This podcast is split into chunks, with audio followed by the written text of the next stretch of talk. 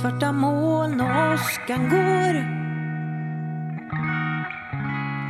Det hänger tårar i luften Det hänger tårar i luften Försöker läsa dig Hej och välkommen till Psykbryt, en podcast där vi delar med oss av våra erfarenheter av och tankar om psykisk ohälsa. Jag heter Mattias Ljung. Och jag heter Sandra Vilpala. Hej Sandra. Hej Mattias. Du, vi sitter... eh, Vi sitter inte i något kök idag. Det här är mycket finare, eller som säger det, det här är jättemycket finare än vad ditt kök är. Det här är alltså, Va? även om jag gillar ditt kök så, så har du liksom inte röda fluffiga fåtöljer i ditt kök. Typ hundra stycken. Jag önskar att jag hade. Det hade ju varit jävligt mäktigt. Men varför, varför sitter vi i, i, i en fluffig röd eh, fåtölj... eh, Värld. Värld. Nej, men, eh, vi sitter ju på biocafé Tellus i Midsommarkransen. Ja. Eh, och vi ska få prata med en fantastisk gäst här. Ja, woho! Johan, Johan Melander. Ja, hej Johan. Hej. Hej. Eh, ja. Vem är Johan? ja, precis. Johan, vem är du? Du får ta och berätta lite om var, hur kommer det sig att, jag menar vi har en podcast om psykisk ohälsa. Mm. Varför är det en bra idé att vi pratar med dig? Det var ju en väldigt bra fråga. Va? Nej, Mm. ja, nej, precis. Ja, varför är det? Jo, men eh, det är väl en bra idé att vi pratar med varandra eftersom vi ändå delar eh, samma mission på många sätt. Eh, Mission possible. Mission possible, helt possible, precis. Och eh, för att gissar jag att jag är eh, barnpsykolog och jobbar mycket med psykisk ohälsa förstås. Och har gjort en musikföreställning om det som jag åker runt och spelar just nu. Och idag så är jag här på Midsommarkransen i Tellus.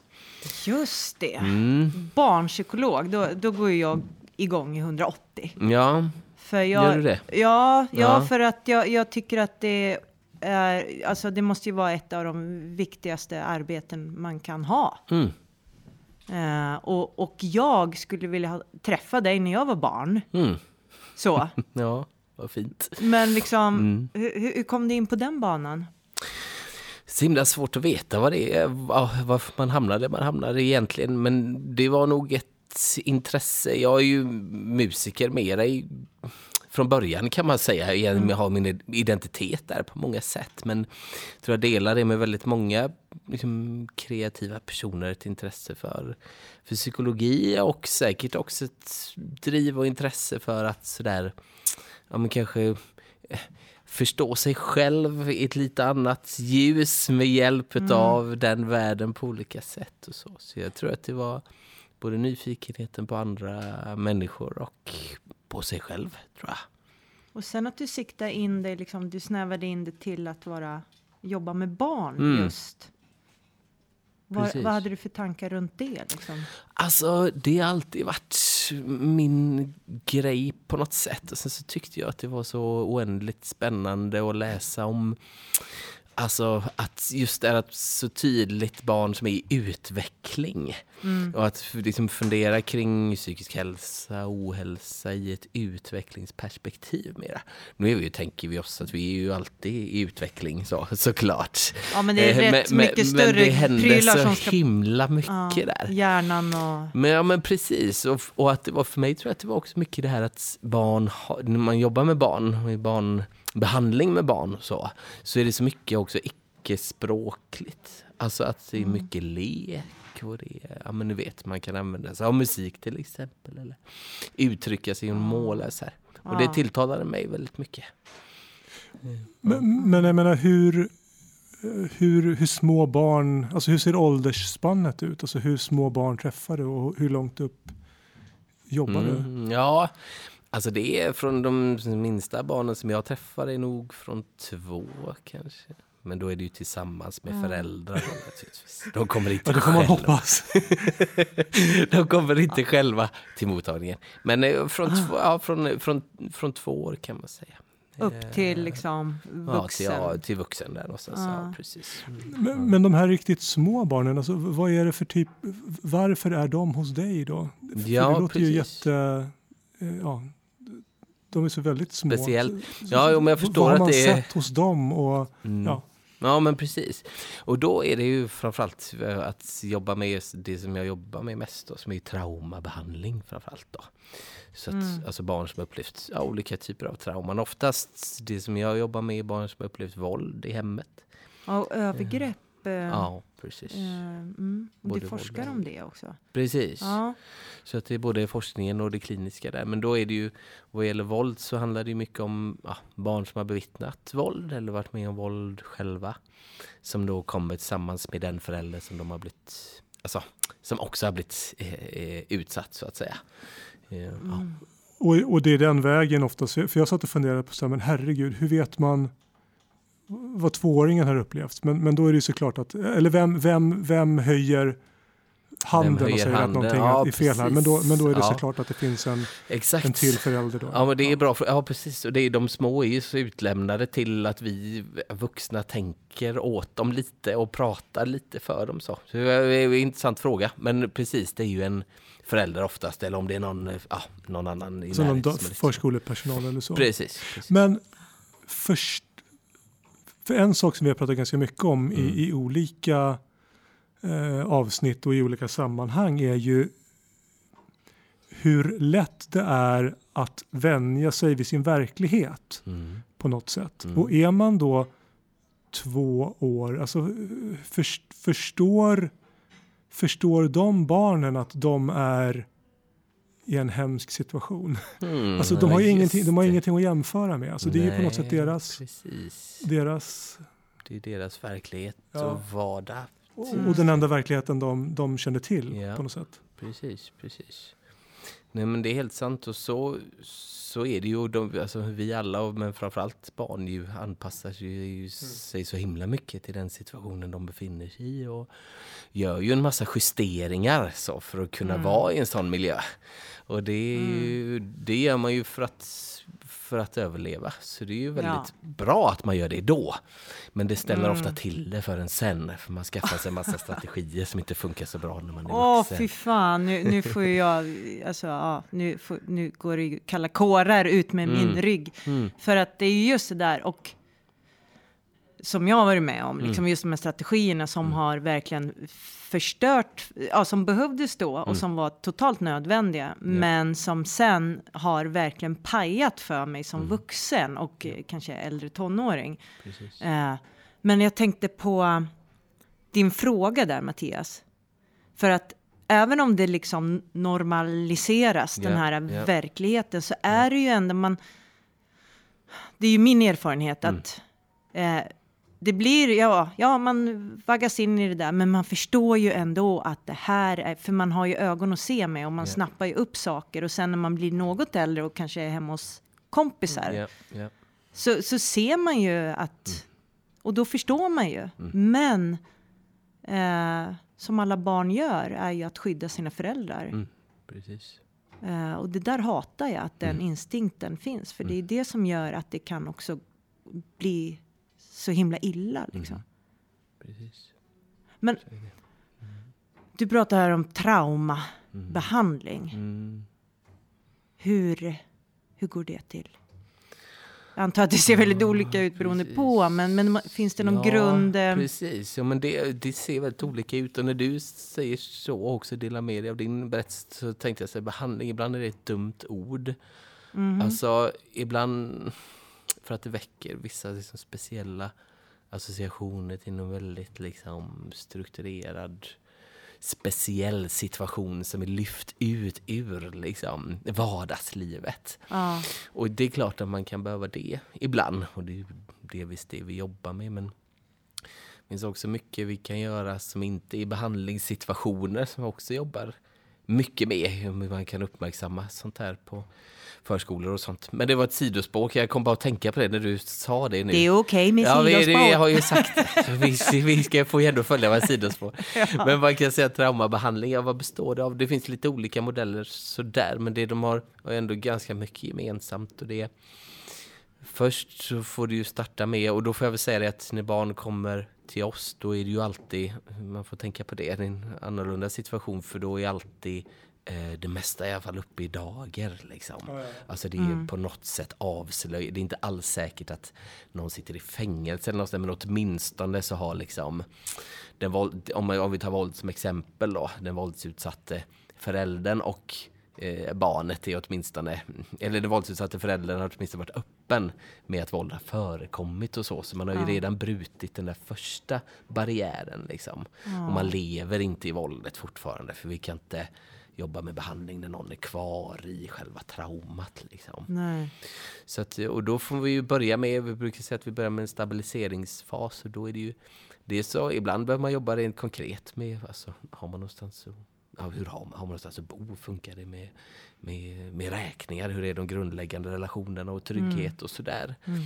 Eh, och sen så jobba med det fast ur liksom ett känslomässigt perspektiv då. Alltså hur gör jag, hur gör jag för att kunna lugna eh, min ångest till exempel, eller vilka nu svåra känslor man får när det blir ett påslag av att man blir påmind av ett trauma till exempel, om det är våld eller övergrepp eller vad det nu är. Eh, Så innan vi liksom ger oss in i det så behöver vi börja öva på lite tekniker för, ja men ni vet, men, ja, hur man lugnar sig själv på olika sätt. Och då är det med små barn gäller då det, det de behöver mest, och då menar jag förskolebarn typ då. Eh, det är ju att deras föräldrar lär sig att lugna dem. Så. Det är ju inte, det är inte, tanken är inte att de ska kunna lugna sig själva. Det, det går ju till viss mån, men själva poängen är att de ska göra det ihop så. Så vi träffar dem alltid tillsammans. Aha, Ja, okej. ja. Så att då jobbar vi med det. Så att man har lite koll på några sätt att lugna ner sig själv. Så, så det är liksom första grejen. Eh, och sen så vill man, ju gärna ge sig in i någon form av exponering. Då. Alltså där man ändå går igenom det som har hänt på något sätt. Man behöver få uttrycka det i ett tryggt rum. Och liksom gå igenom det och utforska lite grann vad det finns för känslor och så kopplat och, och, och tankar kopplat till det. Eh, och så är ju målet att kunna gå igenom det utan att det ska behöva väcka så där fruktansvärt mycket eh, ja, av ångest och rädsla och skräck eller vad det nu är man känner. Man kan fortfarande känna det, men det ska Ja. vara hanterbart. Liksom. Ja. Vad händer annars då? Eller bryter du då eller bara... Om, om det inte känns liksom hanterbart. Ja, eller? ja. ja, men precis. Då har vi inte gjort vårt jobb riktigt än. Ja, okej. så, så får man väl säga. Sen, får, ännu, då får, ni vi backa, lite och så får vi hitta mm. sätt att jobba med det. Sen är det svårt, det är en sån där balansgång, vi säger alltid i traumaarbete, de felen man gör ofta som, som behandlare är att man antingen är alldeles för snabb Mm. in i traumat eller att man är alldeles för långsam. Det kan gå på båda hållen. Att man tvekar alldeles för mycket för att ge sig in i det eller så är man lite för snabb. Och så det där är en konst att känna av faktiskt. Man försöker vara så Ah, shit alltså. lyhörd som det går. Här. Ja. Gud, jag har... Åh, det, kommer, så- det kommer upp så mycket frågor. Ja, Det är så bra, jag babblar på här. Ja, nej, men det, nej, men det, nej, men det är jättebra. Det är Ja. otroligt Ja. intressant. Men, men en sak som jag tänker på är ju... Eh, alltså jag har en... Eh, jag var lärare en gång på Mm. 1900-talet. Ja. I, några, I några år på, på, på, på högstadiet. Ja. Eh, och jag kände att jag liksom någonstans badade i relationer. Mm. Vilket var både givande men också ganska dyrt Mm. för mig. Mm. Eh, men det var ju inte i närheten de sakerna som jag mötte. Det som du måste möta då Mm. dagligen. Eh, och då känner jag ju att du någonstans måste ju vara empatisk och mottaglig Mm. för att kunna göra ditt jobb. Mm. Samtidigt så kan ju du inte vara helt hudlös Mm. för att då kommer du inte överleva. Mm. Alltså hur, hur klarar du hur klarar du att göra det här jobbet? Mm. ja, det är en bra fråga. Alltså, jag tycker att det är ju precis som du säger, det kan vara väldigt krävande. Men det, kan, det är också så otroligt givande på så många sätt. Och det är, alltså, mm, jag tycker att det för mig blir det, det är klart att det ibland är väldigt, väldigt smärtsamt och och liksom överhuvudtaget bli varse ibland vad små barn är med om i Sverige. Man tror inte det är sant ju ibland. Så det är klart att det är en, en del av det. Men sen det fina är ju att vi kan göra massa bra saker åt det. Så. och det blir nästan alltid bättre i det läget som vi får komma in i alla fall. Ja. Ja, och det är mer så alltså man blir väldigt drabbad av människors så att säga, liksom överlevnadsförmågor och så. Sen Ja. att man får betala ett jättehögt pris såklart, det är inte det. Men man kan också bli väldigt drabbad av att herregud att du sitter här liksom. Mm. Hur gick det Hur till? klarade du Ja. detta? Det är helt otroligt. Ja. Och att man ser att så mycket av, precis som du säger, bada i relationer var ett väldigt bra uttryck för det är ju verkligen det, eh, det, som, det som vi gör. Och här handlar det nog väldigt mycket om att liksom, på det sättet som vi jobbar är ju framförallt att föräldrar och barn liksom ska bada i, i samma pool. För ofta har de hoppat i olika pooler och kan inte riktigt användas av varandra. Som är tanken att vi ska kunna, alltså det, för mig är det liksom nästan kärnan i, i trauma för mig. Så. Att föra ihop... eh, Ja, precis. Alltså, det är det här att man liksom tappar... Precis, alltså, när man behöver varandra som mest, sina närmsta som mest, Mm. så tappar man kontakten med dem. Ja. Alltså man kanske bor, i, bor ihop, alltså så, men det, det finns plötsligt en massa saker man inte kan prata om. Det finns plötsligt en massa viktiga grejer man inte kan uttrycka för den som egentligen står mig närmst. Det finns en massa grejer jag inte kan berätta som jag varit med om till exempel för den som verkligen skulle behöva veta det. Så att, och, och det där händer väldigt ofta mellan både, även små barn och deras föräldrar också. Då. Alltså de tappar varandra och så blir de bara påminnelser för varandra om jobbiga grejer nästan. Så man triggar varandra och så blir samspelet ganska negativt istället för att man kan liksom komma ihop och liksom använda varandra till att lugna varandra och ha det bra ihop. Så att det finns sätt att jobba med det där så att man kan hitta det igen. Och det är helt otroligt att få vara med om det när det händer. Det är Ja, det helt eh, magiskt faktiskt. Var helt maxat. Ja, det är faktiskt det. Men skulle du ja. säga att det alltid är möjligt oavsett hur lång tid som har gått? Att med rätt hjälp att man kan föras ihop liksom? Eller finns det någon slags eh, Ja, bäst före-datum liksom? alltså jag tror inte det finns ett bäst före-datum kanske. Men däremot så tror jag att det är ju inte alla, om vi tar föräldrar som exempel, så är det ju inte säkert att alla, om vi säger, säger att vi har en vad vill jag säga, en förövande förälder till exempel, eller en förälder som har stått eh, som barn är arga på för att de har stått bredvid och låtit saker hända och så, eller det är så de har upplevt det. Då kräver det ju att man ska kunna läka det kräver ju ändå lite olika saker från föräldrar. Att man inte är alltför överslätande eller inte alltför liksom, man måste ju vara beredd att gå dit liksom. Man Ja. måste vara beredd att öppna upp för det. För är man inte det, Våga. våga Ja. precis. Är man inte beredd att göra det utan vill fortsätta och förminska och, putta och så, ja. då, då går det inte. Så att, eh, det är väl mer det det handlar om. Det får man ibland också skydda. Det är en viktig, viktig poäng för att ibland, nu jobbar vi väldigt mycket, nu kommer vi in så tidigt ofta eftersom barnen är så små. Men ibland kan det ju verkligen vara så också att man behöver landa i att min mamma eller min pappa eller vad det nu är, är inte där. Vi får hitta Nej. andra sätt eh, att leva vidare så bra det går. Och det går att läka massa andra delar av mitt liv. Och man kan göra upp med dem på andra sätt. Så. Men det kanske inte går att räkna med att den här personen ska kunna ge mig det eh, jag behöver vad gäller just det här. Mm. Men det måste ju vara otroligt skönt för de barnen. Alltså, I och för sig, de, de kanske inte förstår att det är det, men, men jag tänker på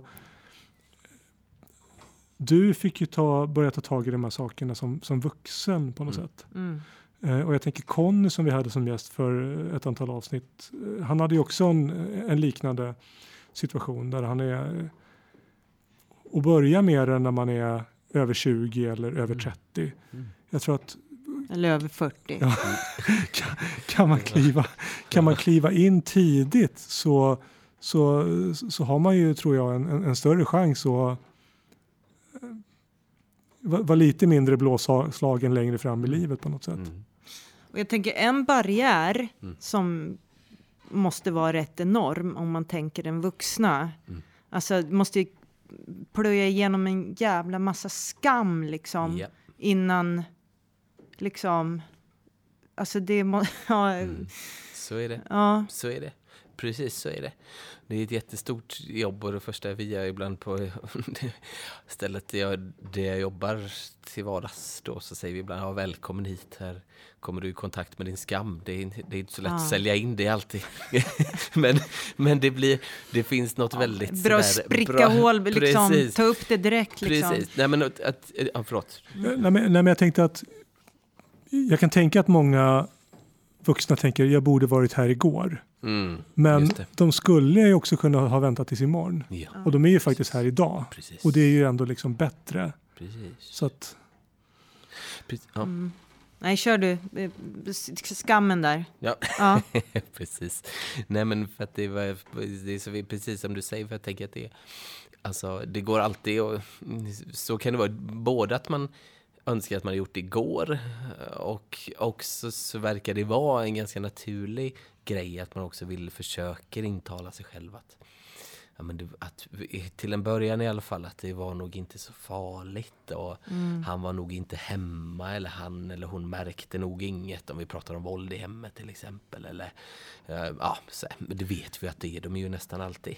Och, och det är ju förståeligt, alltså man, man kan förstå de impulserna. Ja, precis. För att, ja, för det är ju fruktansvärt tungt att ta tag i de här sakerna. Precis. Och man vill ju hellre att saker och ting är på ett annat sätt. Mm.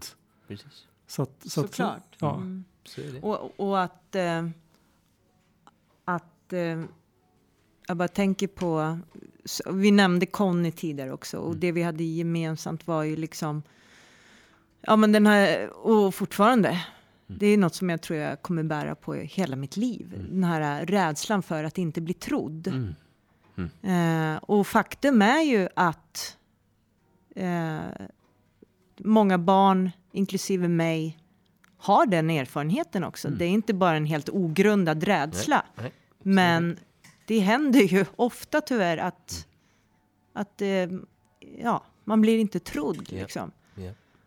Och så att det, då är det alltså, typ den vuxna har skam och skuld. Mm. Barnet är rädd för att inte bli trodd. Ja. Alltså shit.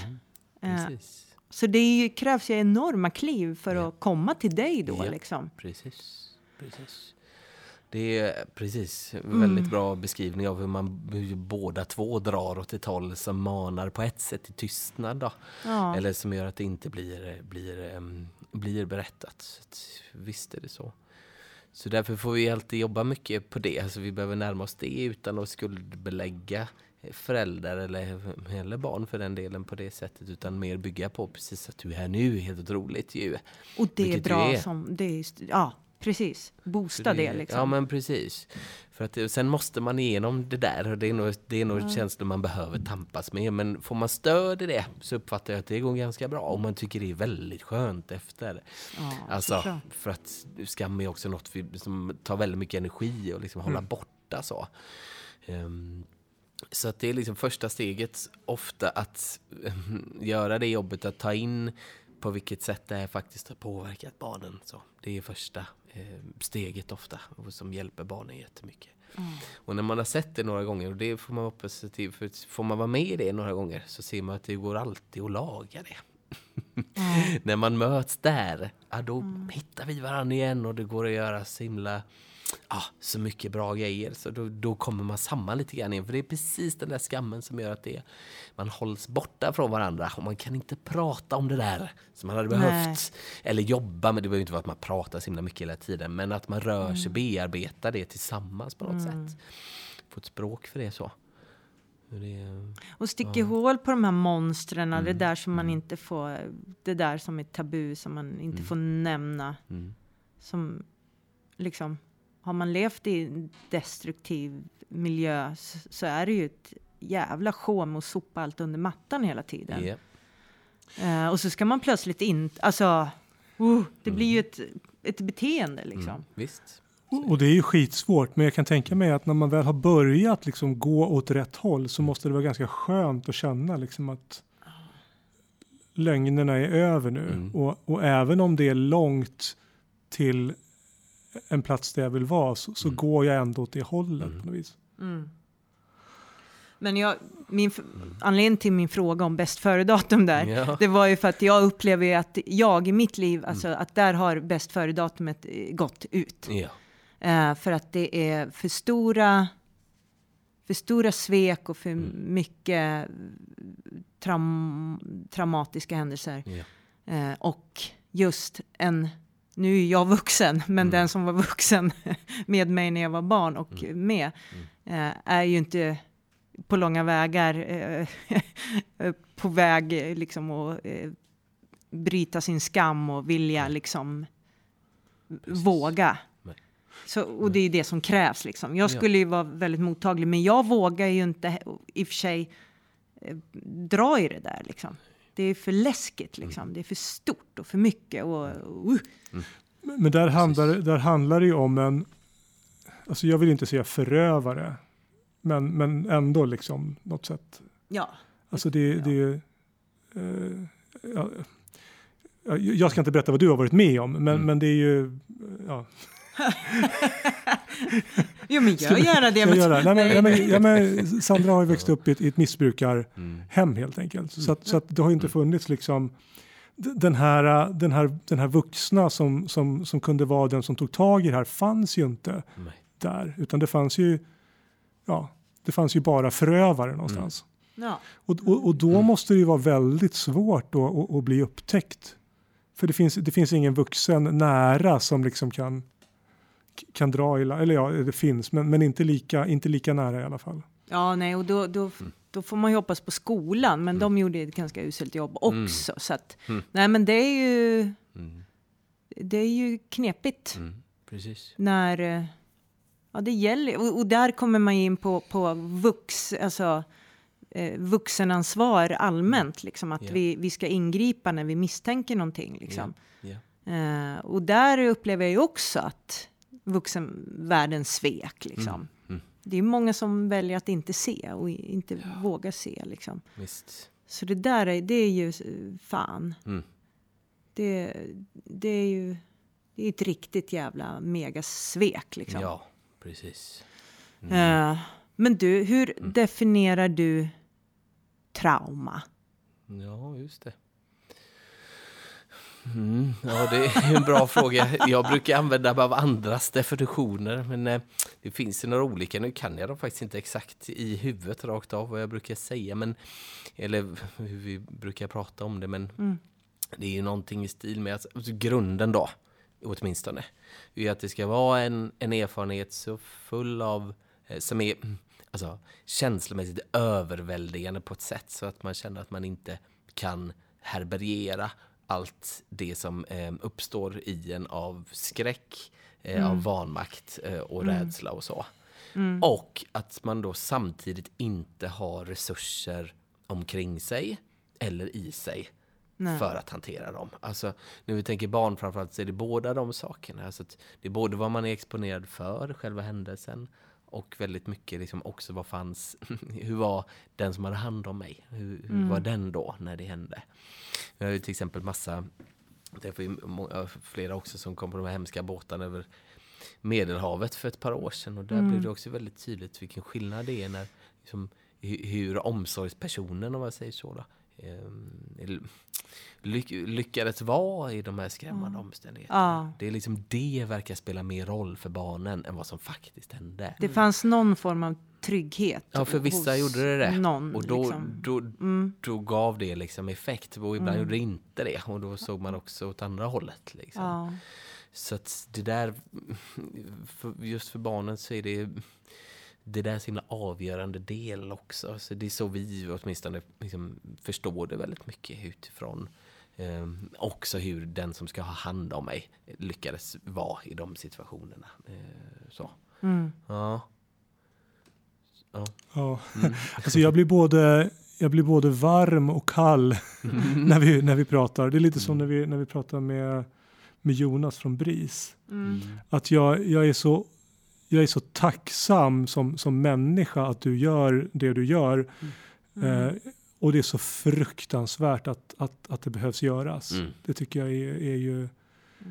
Eh, ja, det är hemskt. Mm. Eh, men ja, eh, tack Mm. på något sätt. Ja. Mm. ja, tack. Men, men jag tänkte, eh, jag tänkte på, på den här föreställningen som du är här med Mm. nu. Och, och kan du berätta om, om hur kom den till och vad är det du vill göra med den? Vad är, ja, ber, berätta. Ja, är den en, en del i ditt mission att bryta eh, tabun Tystnaden. och tystnaden och runt psykisk ohälsa? Mm. Det är, det, det, det är en del av det. Alltså- Göteborgsintervjuerna. Nu ska du inte svara på gästens frågor, Sandra. Han har, han har mål i mun. Jag kan inte låta samsyn. bli att lägga mig i. Ja, vi har samsyn. Ja, precis. Ja, nej men det, ja, precis. Nej men så är det, så har det ju vuxit fram till att bli åtminstone. Det var inte så att jag satte mig inte ner för att skriva den utifrån det så, utan det blev, det var så himla spännande process för att jag har ju som sagt skrivit hela mitt liv. Jag har skrivit jättemycket poesi och så innan också. Och så höll jag på med det och musik och sådär länge och sen så av olika skäl så bestämde jag mig för att börja eh, läsa till psykolog då och började liksom jobba ganska fort ja, i olika eh, verksamheter där man stöter på eh, väldigt utsatta, både barn och vuxna. Så. Eh, I missbruksvården bland annat, en sväng i början. Här. Mm. Och det var så himla intressant för då fick det blev liksom genom mötet med alla de här människorna, personerna, så blev helt plötsligt när jag skrev också så började de, för jag fortsatte med det hela tiden, men då liksom började de leta sig in där. De dök Ja. upp i, de dök upp där liksom. Mm. Och dels så blev det liksom för mig ett, tyckte jag att det, det gav så otroligt med energi. Det var någonting som öppnades där som gav så mycket att få skriva om det. Och möjliggjorde också för mig själv att liksom få liksom berätta om egna erfarenheter som liksom, trots liksom, massa år av skrivande aldrig hade varit med i de sammanhangen. Wow. Och det var så intressant tycker jag vad som också ryms inom en form och ett konstnärligt uttryck och så. Och jag har ju hållit på mycket inom popmusik och så. Det är ju väldigt snävt sådär kan man tycka vad som är med där Behöver och inte. inte. Precis, man kan välja. Jag är ju pop av Precis. psykisk ohälsa. Ja men exakt, då är vi två minst. men det var precis, och för mig var det så i alla fall. Så då började de dyka upp där och så kunde jag, det gav en sån otrolig energi, liksom, Mm. kick eller flow eller vad jag säga. Så att då uppstod de här låtarna framförallt ganska fort och sen så tänkte jag att jag skulle skriva riktigt bra mellansnack till dem. Så jag la Mm. krut på det och då, sen i mötet med publik, så blev, när jag började göra, för jag hade ingen aning om vad fasen är det jag gör egentligen nu. Så jag fick börja pröva. Ja. Och då var det liksom publiken reagerade på det som en föreställning och som om att det handlade om det här och som om att det var det. Jag hade inte riktigt tänkt så. Ah, ja, Om ni hajar hur jag menar. Det var liksom... ja, men det var tvungen att processas där via andra liksom. Det var ett, i ett Och- möte ja, det mm. uppstod. Mm. Och sen så såklart så har det ju blivit för mig också att det, ja, men, det handlar ju väldigt mycket om det och det går liksom väl ihop med det jag gör på mitt andra liksom, arbete och så. Mm. Och då så har det blivit till en föreställning om de här sakerna mycket. Jag får ju komma ut på massa ställen och göra den som är super, liksom, väldigt, väldigt roligt. Framför, och det som är roligt är just möten. Det är det det handlar om. Samtal och möten. För det är det som är hela poängen. Ibland undrar varför liksom, river man upp hela sitt liv och åker, liksom, packar ihop sig och åker iväg till, till olika ställen. Men det är liksom det det handlar Det är det som är det roliga. För det kommer alltid fram. Alltså, efter varje föreställning så är det alltid människor som vill komma fram och prata Ja. och berätta om sina egna erfarenheter. Ja. Och som inte har gjort det så mycket. Och Ja. så. Ehm, och, ja. Men vilka är det som kommer och, och lyssnar? Liksom, riktar du dig mot en speciell publik eller, eller hur, hur, hur tänker du där? Ja, ja alltså det har, varit, det har varit lite olika faktiskt. Men det har varit mycket, och dels jättemycket människor som jobbar med sådana här frågor. Jättemycket socialtjänst och lärare och så. Mm. Så har vi liksom haft lite föreställning och föreläsning och sådär. Men också även på, på skolor har det varit mycket. Mött Mm. unga människor. Eh, som också har varit jättefint har jag tyckt. Så det var Ja. jätteroligt att göra det. Det var väldigt bra. Man blir också väldigt tagen av hur mycket historier som finns där ute som inte blir Ja. berättade. Så. Ehm, Så att det har varit lite, och ibland gör vi det rent på, på klubbar också, så gör det som Mm. konserter mer så, som- med mer fokus på musiken kanske. Så det har varit många olika Mm. sammanhang så, och många olika typer av publik faktiskt. Mm. Alltså jag, jag tycker ju att det är ett fantastiskt sätt att närma sig det här ämnet. Eh, och, och vi pratade lite om det både nu under själva inspelningen men även innan. Att, att vi på något sätt delar ett, ett mission. Att, Mm. att, att det handlar om att, att, att prata om det här och lyfta fram det här. Mm. Och eh, Det här är en väldigt bra väg in känner jag. Mm. Så att, ja. Ja, ja, och, och lite roligt också att jag Innan vi, vi snackade lite innan här och då sa jag så här, alltså barnpsykolog och musiker, den kombon har jag nog inte stött på innan. Mm. Och så inser jag när du pratar här också, men det är ju en helt förträfflig kombo. Mm. För vi vet ju vad musik och konst eh, överlag, eh, alltså vad vi kan liksom, hur vi kan mötas där och bygga broar och, och, och använda då dina eh, liksom musikaliska kunskaper Mm. Som psykolog där med just de här små barnen. Och, Ja, det, så, så det är ju en helt eh, super eh, lämplig kombo. Mm, Ja, ja det, är, det är faktiskt det. Ja. Ja. Mm. Ja, men alltså det var eh, otroligt trevligt att få, att få prata med dig. Och som sagt, jag är så, som en människa så är jag så tacksam för att du, att du finns och att du gör det du gör. Alltså både i din, i din roll på dagen och även även på, på kvällen. Ja. Du, du är som en superhjälte. Du har, liksom Ja, ditt, du har ditt dagskneg och sen så åker, Precis. fast det är inte Ja, cap utan det kanske är spandex. Och, Ja, just det. ja. Precis. Ja, vi, vi får väl lägga ut en länk så folk som eh, skulle vilja eh, haffa eh, dig om Mm. du dyker upp eh, i deras stad. Precis. Så vi lägger ut det Mm. i samma veva som det här då. Jättebra. För eh, det vill de ju såklart kolla in. Ja, ja, nu är alla tokigt sugna här. Ja. Men, men, men finns det, kan man höra musiken någonstans? Finns det på Spotify eller så? Eller hur, hur ser det Ja. ut med det? Den finns på Spotify. Ja, ja, finns härligt. Just nu, så allt, både faktiskt monologer, det är, ja, det är både lyrik och musik kan man säga. Så både monologer och Mm. låtar ligger ute på Spotify. Ligger det som i sekvens? Alltså ligger, ligger föreställningen som sådan? Det där? ligger som i en helt sekvens. Så det Nu är blir Tom Waits-fanen i mig alldeles Ja, men- jättesugen här på gång. Ja, Precis. ja, ja, men det där, fan vad lysande att du har Ja. gjort så. Ja, det är kul faktiskt. Så det är Ja. bara att gå in och lyssna. Mm. Ja, men vad härligt. Mm. Det borde vi ha gjort innan. Vi har Mm. inte gjort vår research. Ja, men vi, det är inte så vi jobbar Mattias. Nej, precis. nej. Den Vi- vi kom försöker ju- igår ja. dessutom, så Det vi har inte haft så mycket tid på det. Det, Nej, det men- var Nej, igår. Nej, men våran ingång är ju faktiskt att vara lite blanka blad. Ja. För att det just ska bli liksom, ja men vi, vi trycker på räck Mm. Och så ser vi vad som händer och så, så Och- s- och trevar vi oss fram Ja. till varandra. Och, men vi kommer ju lyssna såklart nu. Men jag hade Ja, ja. inte velat lyssna innan. Så är det bara. Nej, men det är nog klokt för att Ja. då går man in i det utan förutfattade meningar och då, Exakt. då, då eh, blir det en annan typ av, av möte. Mm. Ja. Vad sensuell du lät. ja. Ska du säga som trevar dig fram i mörkret? Vad gör jag? Ja, det, det gjorde du. Alldeles nyss så pratade du om att du trevade dig fram i mörkret. Ja, Och ja. är det... Va, ja, ja. ja.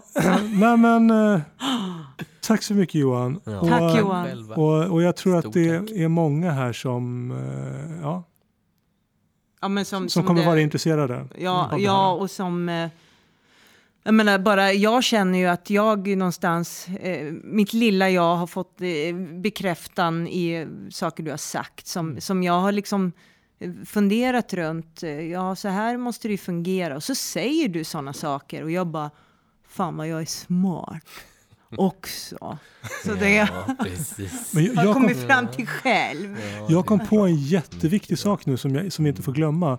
Och det är ju det att om man som vuxen ser ett utsatt barn, oavsett om det är som lärare eller bekant eller så. Vad gör man då? Alltså vad, om, om jag vill hjälpa ett utsatt barn, hur Mm. gör jag då? Mm. Ja, det är precis. Det är ju viktigt såklart. Ja, är, du, är man med personal så där, då är det ju framförallt orosanmälan man får göra till, till socialtjänsten på ett rent professionellt nivå, eller vad man ska Mm. säga. Och det kan ju alla göra. Mm. Och det är väl bra att göra det. Och sen kan man göra det på ett personligt plan också förstås. Det Mm. beror lite på vad man har för relation och vart man, ja, vad man har för roll, för roll att spela. Men Mm. så mycket kan man ju säga att, det, att, att någon ser, att någon säger någonting, att någon speglar barnets erfarenhet. Mm. Lite oaktat vad det leder till vill vi att det ska leda till massa bra sak, saker Mm. såklart. Men så har det ett väldigt värde i sig. Så Mm. det är aldrig meningslöst att, att försöka åtminstone. Nej, och för fan, lägg er i. Mm. Gör det. Ja. Gör någonting. För Precis. att eh, det kan vara hela skillnaden för just det här barnet. Mm. Så. Så är det. Det, det är liksom bara eh, inget snack om saken. Så är det. Men, men hur lägger jag mig? Om, om, om, nu har jag ju fantastiska grannar, men om jag ser att Mhm. någonting händer, liksom, Mm. Du kan ju ringa SOS själv, SOS eller jag hur? ringer då? Ja. Så- orosanmäla, Ja. eller hur? Ja, precis. Så är det Ja. pågående våld och så får man ju ringa polisen såklart. Och så Ja, ja. Ja, jo, men det- jo, men det- men, det- men det är precis. precis. Sen, och, och, och sen, ja, det beror ju på vad man har för relation som sagt. Lite. Jo, men våga lägga i, precis som Sandra sa. Mm. Man ska så här, alltså att man tänker att en gång jag jobbade på Rädda Barnen för ett tag sedan, då var det någon sån här barn, någon ville komma och göra ett specialarbete utifrån arki- arki- från arkitekt, läste till arkitekt. För hur, ska, hur, ska, hur ska vi göra en, en barnrättsarkitektur, typ? Om vi ska bygga ett hus utifrån barnets perspektiv, hur ska vi göra då? Och då sa vi att ja, men bygg det gla, med glasväggar. Så vi kan se in i de där familjerna som sluter sig så himla mycket. Precis. Apropå Ja. lägga sig i. Gör att jag. lamporna inte går att släcka. Precis. Vi behöver ha så mycket mer insyn också. Mm. Så det är också sånt där, ni vet som Mödra barnhälsovården till exempel. För några, liksom, förr så var de mycket hemma och i liksom, familjer med nyfödda och så. Nu är det ett besök hemma Ja. kanske till exempel. Det är en sån där grej. Som, ja, det finns tusen sätt liksom Ja. på samhällelig nivå. Men våga lägga sig våga säga någonting, våga liksom fullt ut ställa sig på barnens sida.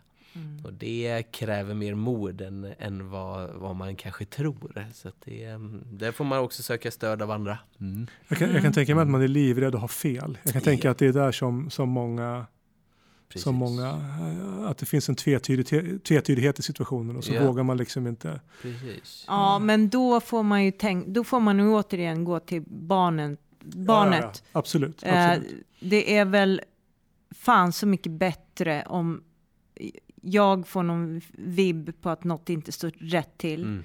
och att jag då hade fel. Mm. Eh, men Och, och, och en klok vuxen då, eh, alltså nu tänker jag Mm. en förälder till barnet, man man kan ju hoppas att den känner en tacksamhet någonstans. Att Mm. vad, vad fin du är Mm. Som, som har den här omtanken om, Mm. mitt, om mitt barn. Precis. Mm. Ja, men precis. Har man ingenting att dölja, då, då kan man ju liksom, då kan ju den där känslan eh, få komma. Alltså att, Mm. eh, ja, alltså då har man inget att dölja liksom. Men, Mm, men visst, man, det beror ju på. Alltså det där är svårt. Ja, men, men, men skit i det. Men Mm, liksom, mm, mm. huvudsaken är att eh, misstänker man något så, så, så är ju, liksom, tänker jag, Mm. risken rätt stor att det finns en anledning till det. Ja, precis. Och det går också att prata med dem om, för det möter jag ganska mycket också, att man, är, man tänker att det spelar ingen roll och det kommer ändå aldrig leda till åtal till exempel, eller det blir aldrig, ja men ni vet, för man Mm. har så mycket erfarenheter kring hur det ser ut i rä- rättssystemen till exempel. Men det går också det går att göra det väldigt bra ändå, för att även om, jag menar, säger att Eh, eh, ett barn berättar om någonting och så kanske det blir en rättsprocess till slut och det leder inte till någon fällande dom eller något sånt där. Så kan man ändå prata med barnen om att det, du vet, det var liksom inte för att vi inte eh, trodde på dig vet du. Det, men det gick inte att leda i bevis den här gången och det fungerar på det här och det här sättet. Mm. Men det betyder inte att vi inte tror på dig. Nej. Men liksom, det ser ut på, så. Och det är liksom en helt annan grej än att inte ha sagt något alls. Nej, men att få känna att det är någon som, som är på min sida, som Mm. kämpar för mig, som tror Mm. på mig. Alltså Precis. bara det är ju, är ju jätteviktigt. Precis. Och då kan man göra en enorm insats för det man vill göra egentligen är också att återuppbygga lite så här, liksom, deras förtroende för eh, vuxenvärlden igen. Så det är viktigt för oss också att tänka på det, för det är lätt att gå vilse där. När man jobbar mycket med detta det är lätt att hamna i det som egentligen många som lever med trauma är i mycket att alla är elaka, ni vet, ingen bryr sig, inget funkar, alltså ni vet, alltså det är samhället helt stö alltså så. Mm. Och, och, visst, det finns ju massa saker naturligtvis som behöver bli mycket bättre. Men det är också viktigt att hitta de andra grejerna. Mm. Och ibland pratar vi med barn som har varit på till exempel i behandling som kanske har varit du vet, på någon eh, eh marknad där en bomb har exploderat till exempel. Det händer massa hemska saker. Och vi kan också säga om man går i det minnet, ja men leta efter de som hjälper. Så. Mm. Var är de och vad gör de? Alla som hjälpte till. Och de är alltid fler liksom. Ja. Och det är viktigt att vi påminner oss om det också som är mm. detta så mycket. För att barnen blir inte heller hjälpta av att vi målar upp en allt för svart bild eller förmedlar att vi inte liksom litar på olika myndigheter, ja vad det nu är. Sen får vi vara realistiska sådär, såklart. Nej, det bygger inte väl det, bara men, men, på liksom ja, där vanmakten och utsattheten då ju. Så identifiera dem. Ja. Vilka, vad finns det för bra personer här? Ja. Och liksom processer som är igång och styrkor och liksom så här, ni vet. Så det är, mm. det är superviktigt att komma ihåg det tycker jag. Mm. För det är jättelätt, det vet jag av egen erfarenhet, att gå vilse där. Ja. Mm, det är det. Så oh, det mm. Vilket bra slutord kände jag. Ja, det tycker jag också. Mm. Tusen tack! Uh, och ja, Lycka kanske... till ikväll. Här. Ja, precis. Ja, och, och, ni som är där ute. Nu tänkte jag säga så här att ja, är ni i, i Stockholm, men vi kommer inte lägga ut det här typ nu, utan det är ett par veckor, så då är det ju kört. Ändå. Ni som är synska och ja. Vi sänder live plötsligt. Ja, nej. Ah, ja, ja. Uh, ja, nej, men, nej, men chansen finns ju att, att höra dig på andra ställen. Ja, och, och chansen precis. finns ju om man, och kanske också att boka dig om det är så. Absolut. Och chansen finns ju att höra den här höra föreställningen på andra sätt också. Ja. Mm. Uh, ja, vi säger hej då för tredje gången då. Ja, precis. ja, men det är så här. Nu får vi sluta. Ja, men det, är så här. Ja, men, ja, men, ja, men det här är jättebra ju. Man står i dörren, man har sagt hej då, så står man kvar i dörren. Oj, ja, ja, ja, ja, ja. Det är ju så det går till, ja, alltid. Så här är det livet. Mm. Ja, nej, men, eh, ja, ni där ute i psykbrytt land, ta hand om varandra ja. och så hörs vi snart igen. Puss, puss, puss. Kram, kram. Hej då.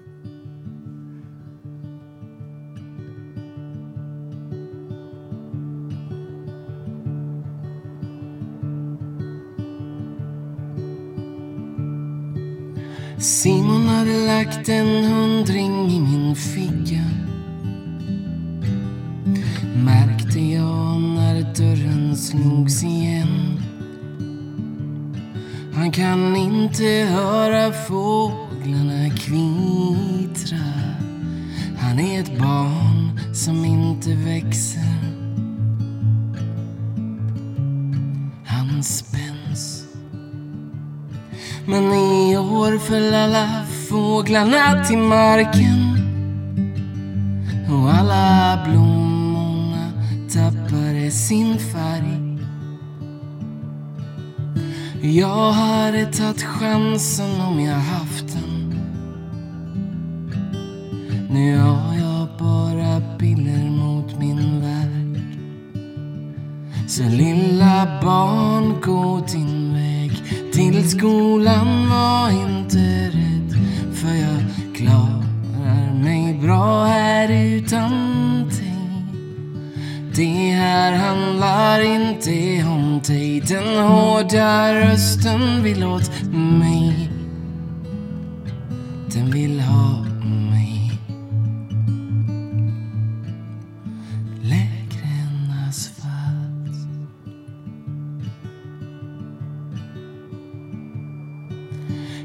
Simon, det är inte mycket jag kan ge dig. Jag bokar datorn på bibblan varje dag. Men så ofta fick man visst inte spela. För det var orättvist mot alla andra barn. Och minns du rummet, det var fullt av psykologer tror jag att de var i alla fall. Och sen fick du medicin mot ADHD. Och du var som en skugga när vi ville. Och lilla barn, gå din väg till skolan. Var inte rädd, för jag klarar mig bra här utan. Det här handlar inte om dig. Den hårda rösten vill åt mig. Den vill ha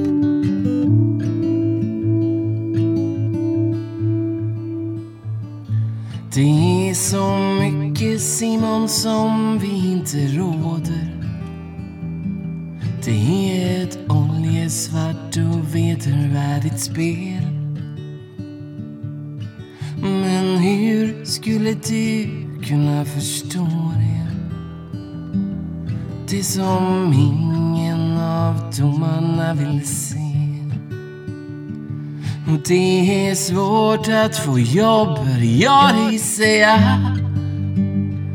När du leker med dig själv på ditt rum. Och det ser ut som att ditt skinn är en tvångströja. Som du försöker åla dig ur var sekund. Och lilla barn, gå din väg till skolan. Var inte rädd, för jag klarar mig bra här utan dig. Det här handlar inte om dig. Den hårda rösten vill åt mig. Den vill ha